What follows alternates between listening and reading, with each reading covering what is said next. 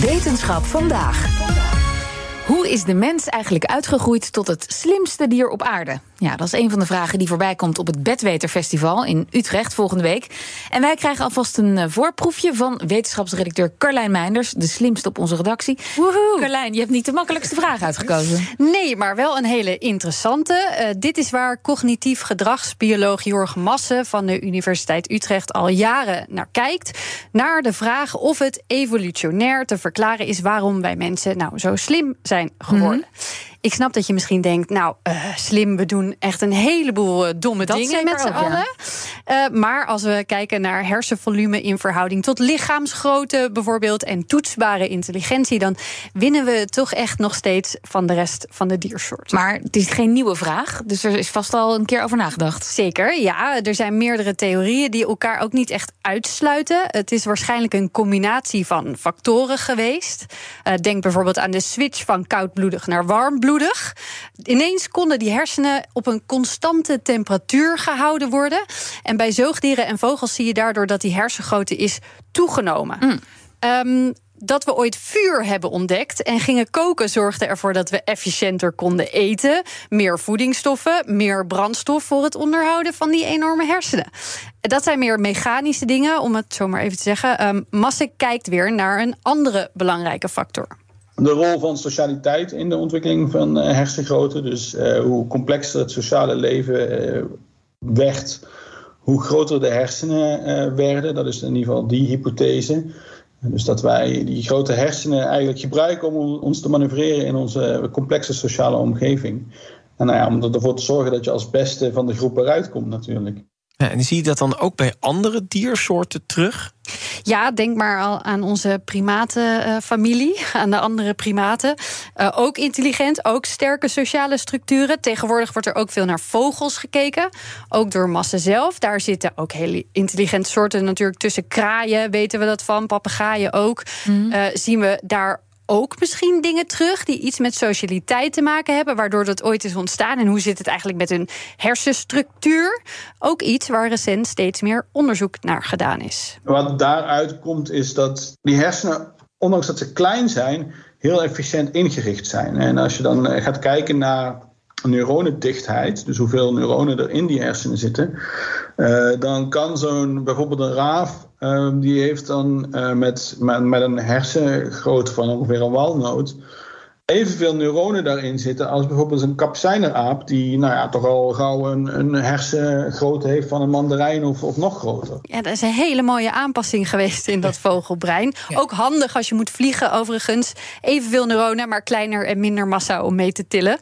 Uh, dit is een ander evolutionair pad dan dat van ons en andere primaten geweest. Dus deze aanpassingen, maar ook het ontstaan van intelligentie, is bij vogels via een andere weg gelopen. Waarom is zo'n kostbaar, energieslurpend orgaan dan in ieder geval twee keer tot ja. zover doorontwikkeld? En hoe gaat het dan verder? Blijft die ontwikkeling doorgaan? Wat denk je uh, zelf? Ja. nou, er veranderen zeker nog dingen, ook in efficiëntie. Maar er zijn beperkingen. Bijvoorbeeld, past dat enorme hoofd nog wel uh, uh, door het bekken van een vrouw. Ik zie hier de huisarts van het hek knikken. Nee, ja, maar dit, dit, dit, ik heb, ja, jij weet veel meer van, maar dit is inderdaad, de grootte is uiteindelijk beperkend voor een ja. heleboel ontwikkeling van ons lichaam. Ja. Zeker, zeker. In reactie daarop hebben we wel weer die schedelplaten ontwikkeld, waardoor dat wat flexibel is bij baby's nog. Uh, maar ja, dat kan niet oneindig doorontwikkelen. En het is ook nog eens zo, die hersenen duren bij ons zo lang om te volgroeien, dat kinderen maken en opvoeden voor onze soort gigantisch veel tijd en energie ja. kost. Dus wat dat betreft zouden nog grotere hersenen niet echt voordelig zijn. Maar kunnen we dan ook weer terug evolueren? Dat, dat die hersenen weer een beetje kleiner worden? Ja, dat zou dan heel langzaam gaan. Dan hebben we het over miljoenen jaren. Maar in principe ja. Als we bijvoorbeeld massaal te weinig nutriënten binnenkrijgen, de temperatuur niet meer goed op één constant niveau kunnen houden, bevallen niet goed genoeg meer lukt en we besteden ook nog eens heel veel denkkracht uit aan apparaten, wat we tegenwoordig ja. ook doen, zou het zomaar, dan speculeer ik wel een beetje kort door de bocht, uh, dat we als soort weer minder intelligent worden. Het scheelt wel opvoeden. Zeker, dat wel.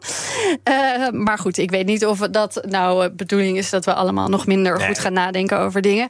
Ik was ook nog benieuwd of Masse de afgelopen tijd nog verrast is door de vindingrijkheid van een ander dier. En hij vertelde over een mierensoort en wat die mieren doen als een van de andere mieren gewond raakt. die uh, gewonde mieren die worden door hun soortgenoten opgetild en naar het nest gebracht. Daar wordt vervolgens die wond uh, die wordt verzorgd. Um, en je ziet ze dan dus echt die wond echt met een, met een mondje zo schoonmaken met, met, met wat speeksel. Vervolgens zie je dan ook dat ze met hun voorpoten over hun achterlijf beginnen te wrijven. En vervolgens met die voorpoten over die wond uh, blijkt er dus een, een, een, klier te zitten op dat achterlijf van die, uh, van die dieren. En uit die klier komt een antiseptisch stofje. En dat is ontstekingsremmend. En dat vergroot dan weer de kans op overleven voor deze mieren. Was nog niet eens alles. Als een ledemaat er te ernstig aan toe is, dan amputeren ze dat keurig bij het gewricht. Het veldhospitaal. Ja. Gewoon van de mieren. Ja. Maar is dat niet ook gewoon dan instinct of, iets wat daarop lijkt? Mm, ja, dat is wel een beetje de vraag. Ze hebben inderdaad niet echt geavanceerde hersenen, meer wat, wat, wat bepaalde neuronale knopen, geloof ik. Maar daarmee lukt dit wel. Iets zet dit in gang. Uh, Massa zelf hanteert overigens een, een definitie van intelligentie waarin een zekere mate van flexibiliteit moet zitten. Dat, dat is niet helemaal hetzelfde als instinct. Wil je daar nou meer over horen? Dan kun je dus volgende week vrijdag naar het Bedweter Festival in Utrecht. Hij is er, ik ben er ook. En er zijn nog een paar kaarten beschikbaar. Linkje zo online. Dankjewel, Carlijn Meinders. Duik mee in de wereld van ESG. Dit seizoen verkennen we hoe bedrijven hun strategieën rond duurzaamheid vormgeven. Ontdek de nieuwste innovaties in energietransitie en de impact van waterstof. Wie zijn de ware koplopers in duurzaamheid? Ik ben Donatello Piras, presentator en samen met Roetoei brengen we koplopers in ESG.